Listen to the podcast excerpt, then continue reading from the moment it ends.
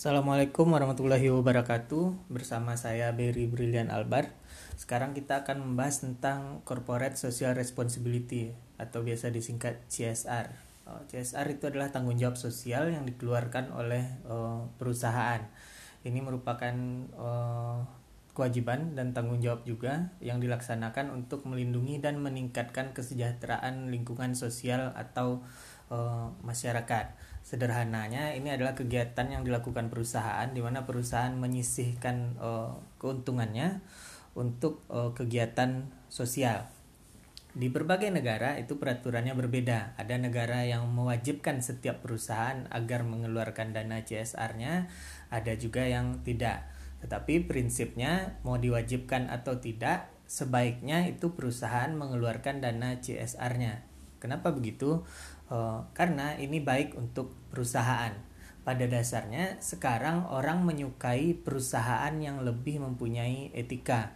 Orang menyukai perusahaan yang berbuat baik. Jadi, walaupun etika itu memang menyisihkan sebagian pendapatan atau keuntungan dari perusahaan, tapi value-nya, nilainya itu diperoleh juga oleh uh, perusahaan.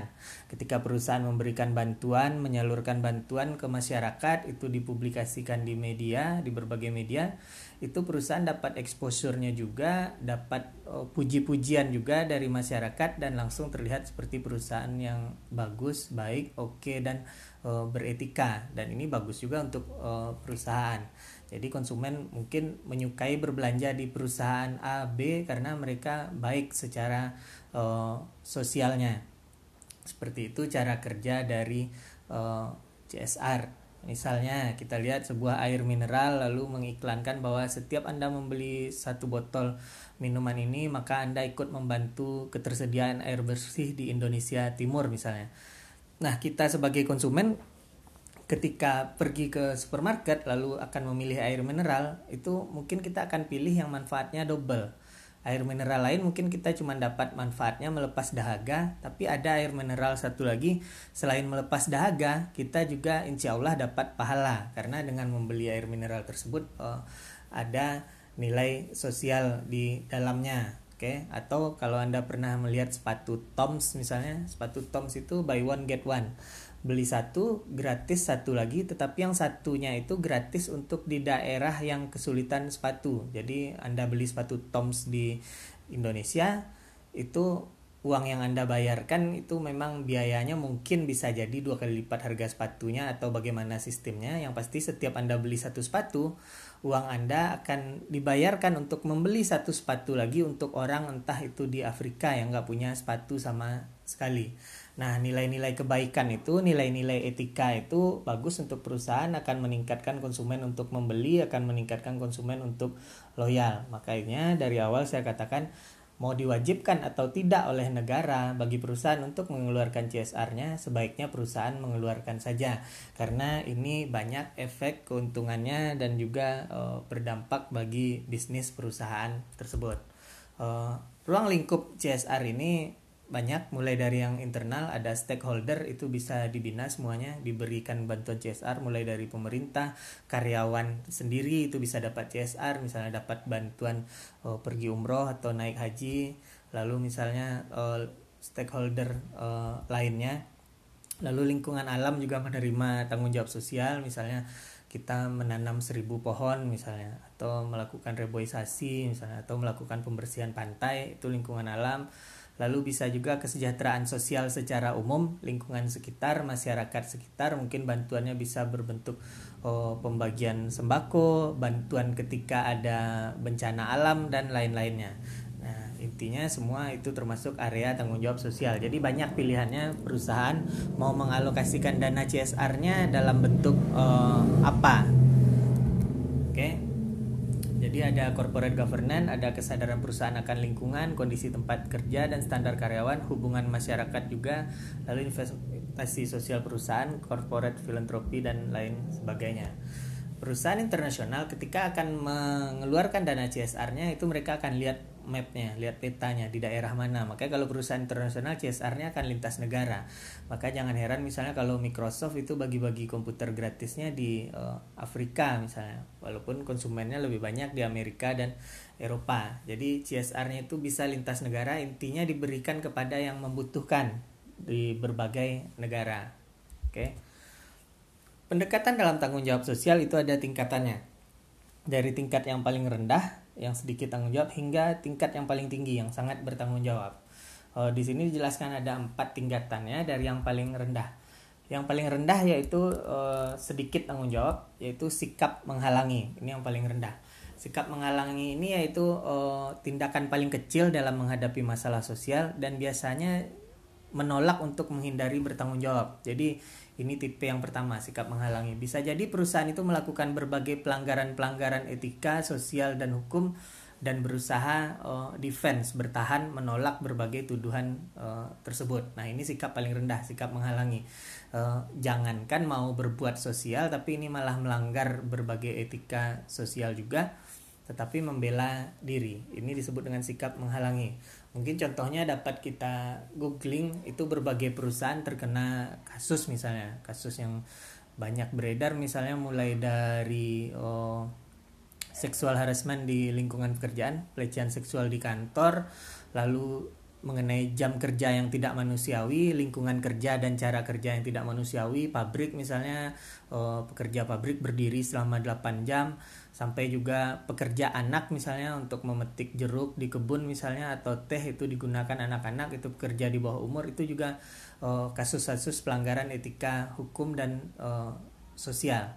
Nah perusahaan-perusahaan tersebut beberapa perusahaan besar ketika dihadapkan pada permasalahan tersebut mereka akan defend dan melakukan pembelaan mungkin klaimnya bahwa itu bukan salah kami itu uh, salah penyelenggaranya bukan salah kantor uh, pusatnya. Dan banyak pembelaan-pembelaan lainnya. Itu disebut dengan sikap menghalangi. Naik level satu tingkat namanya sikap bertahan. Sikap bertahan ini intinya mengerjakan semuanya sesuai standar hukum dan tidak melakukan hal lain. Jadi ini perusahaannya uh, patuhi aja aturan hukum tidak perlu yang lainnya nggak melakukan tindakan sosial juga tapi dia patuhi aja aturan hukum jadi kita tidak akan bermasalah secara hukum. Tujuannya ya profit dan pelit berarti seperti itu.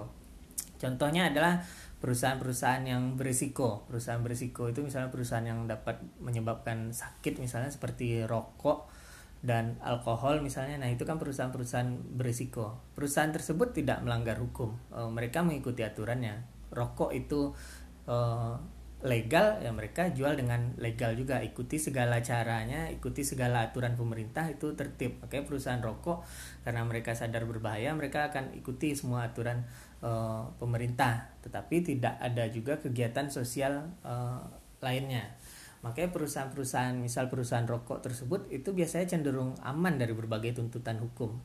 Uh, kalau anda mau ngecek misalnya uh, rokok dapat menyebabkan kan udah diberitahukan di kotak rokoknya rokok dapat menyebabkan impotensi kanker gangguan kehamilan dan janin.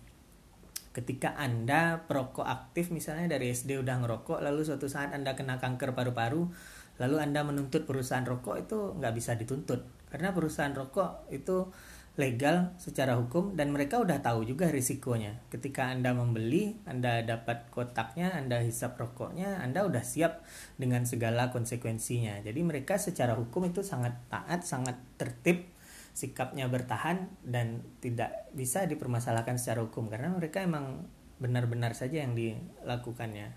Oke, jadi Anda bisa cek siapa sih yang pernah menang lawan perusahaan rokok ketika benar-benar kena impotensi atau kena kanker paru-paru gara-gara merokok. Mungkin hampir dikatakan mayoritas itu perusahaan rokok yang uh, menang. Karena mereka secara hukum sudah memberitahukan segala risikonya ya anda aja yang kayak nggak bisa baca aja tulisannya. Oke lanjut. Satu tingkat di atas itu namanya sikap akomodatif. Sikap akomodatif ini perusahaannya mematuhi etika peraturan oh, memberi ada kegiatan sosialnya juga, berpartisipasi dalam kegiatan sosial kemasyarakatan, tapi dia tidak proaktif. Artinya perusahaan ini ready untuk uh, menerapkan CSR, ready untuk melakukan kegiatan sosial. Intinya mereka harus diajak, misal diajak oleh pemerintah, ayo bantu untuk bagi-bagi tong sampah, ayo uh, bantu untuk penghijauan. Nah, mereka akan support itu, tapi mereka tidak proaktif. Tidak punya ide atau rencana sendiri. Sikap ini disebut dengan sikap akomodatif. Ini level ketiga. Level tertinggi uh, dalam penerapan tanggung jawab sosial adalah sikap proaktif. Sikap proaktif berarti perusahaan ini benar menyisihkan CSR-nya, dana CSR-nya dan punya program sendiri setiap tahunnya, macam-macam programnya. Entah membagikan air bersih, entah bagi-bagi mainan untuk anak-anak, membagikan uh, alat tulis atau kegiatan penghijauan, bantuan bencana alam, bagi-bagi sembako. Intinya mereka punya program yang terencana setiap tahunnya secara jelas dilaksanakan. Malahan kalau sudah terencana ini bisa dikomunikasikan ke berbagai media sebelum dilaksanakan karena emang sudah terencana. Misalnya tahun besok mereka berencana untuk oh, menaik hajikan karyawannya 100 orang misalnya. Nah, itu kan bagus kampanyenya. Atau mereka oh, berencana misalnya untuk oh, menyekolahkan 100 anak sampai tingkat pendidikan dasar. Nah, itu kan bisa diberitakan secara baik kalau direncanakan secara uh, baik. Perusahaan-perusahaan secara perusahaan-perusahaan pada level sikap proaktif ini uh, punya berbagai rencana dan direncanakan dalam kegiatan perusahaannya dan dilakukan uh, biasanya. Itu level tertinggi dari pelaksanaan tanggung jawab uh, sosial. Intinya walaupun ini menyisihkan keuntungan perusahaan, ada uang yang dikeluarkan dari perusahaan, tapi kalau dari hitungan profitnya ini tetap masih masuk akal. Karena dengan melakukan tindakan CSR, perusahaan akan dapat nama yang baik, image yang baik, image yang baik akan baik di benak konsumen, konsumen yang suka dengan image-nya akan berbelanja, produk tersebut mungkin berbelanja lebih banyak. Karena konsumen berbelanja lebih banyak, keuntungan perusahaan juga lebih banyak, ujung-ujungnya untungnya besar lagi. Jadi walaupun mengeluarkan uang diharapkan akan bisa mendatangkan oh, profit dan keuntungan lagi di masa uh, depan. Ingatlah tindakan etika itu berimplikasi positif berbanding lurus dengan uh, profit yang akan diterima oleh perusahaan. Jadi dampaknya cukup positif. Oke, terima kasih. Semoga menjadi ilmu yang bermanfaat.